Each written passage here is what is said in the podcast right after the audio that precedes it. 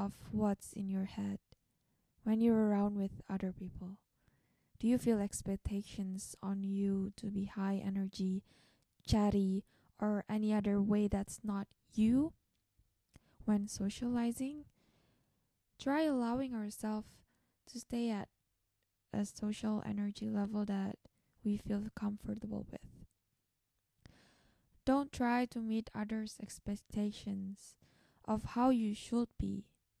Just act who you are. Be friendly. Make small talk. Be a good listener. But don't go into a role that you are not comfortable with. This can help you enjoy socializing more. Don't care too much when someone says, You're quiet today. I know that may seem so annoying for you. If you don't know how to answer that, just say that you're feeling relaxed today. Other important thing is to put yourself first. If you want to say no, then say it. If you're up to catch up with a long lost friend, but you're afraid that they'll reject you, fuck it, you know? Just ask them. Reject those fear of rejection before they actually reject you. That way you'll feel less sad. Don't feel sorry for yourself 24 7. Don't feel pressured. See the good things you've done. Process it as a way to be a better you. It's a journey. The more you practice these things, the more space and relief you feel, and more blissful things will open up ahead in your lives.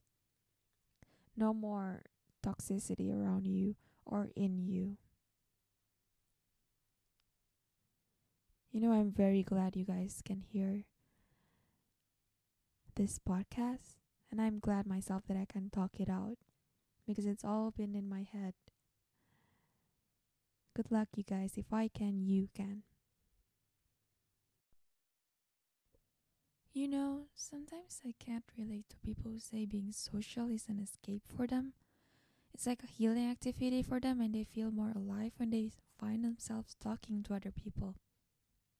Hey, I'm glad for them, don't get me wrong. And you guys are probably thinking, maybe I just haven't met my people yet. But in reality, no. I genuinely feel like I already found my people. Real, loving, kind, and fun friends. However, they, that small talk, small self talk in my head that no longer is small, just keeps me anxious. If you guys can relate, you know, people like us get anxious easily, especially when we have to make calls, meet up, and do a presentation, rather than being able to enjoy the experience, you might spend most of your time analyzing your behavior or what other people think of you. Afraid of rejection, being judged, being laughed at, and dismissed altogether? Yes, yes, and yes. These things are hard to talk about with other people around us because it's part of our vulnerability we tend to close our vulnerable side, cover it up, and try our best to seem normal. We even convince ourselves that this is normal. Fear of socializing, fear of showing too much, fear of being humiliated. We always found ourselves struggling to seem indifferent, to be cool yet funny and loving and easy to talk to, which is a total BS. I mean, yeah, you can cover it up all you want, but until when? Until when are you gonna be somebody else but you? In the end, it's all in our head. I'm glad if you're hearing this. This is a sign to stop punishing yourself. Start accepting who you are, giving yourself a space to relax. Be who you are. not who you want people to see you as. We live in a world that tends to embrace extroversion. That said, personality types are generally stable over time, and there is nothing wrong. Is there's nothing wrong with, with people like us. So now let's embrace it. What is it you're struggling with when socializing?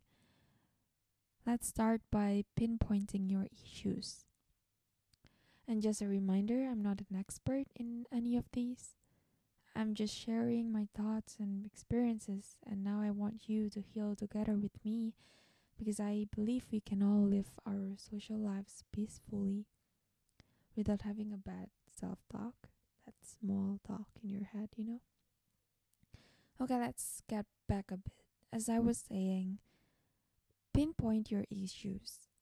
Be conscious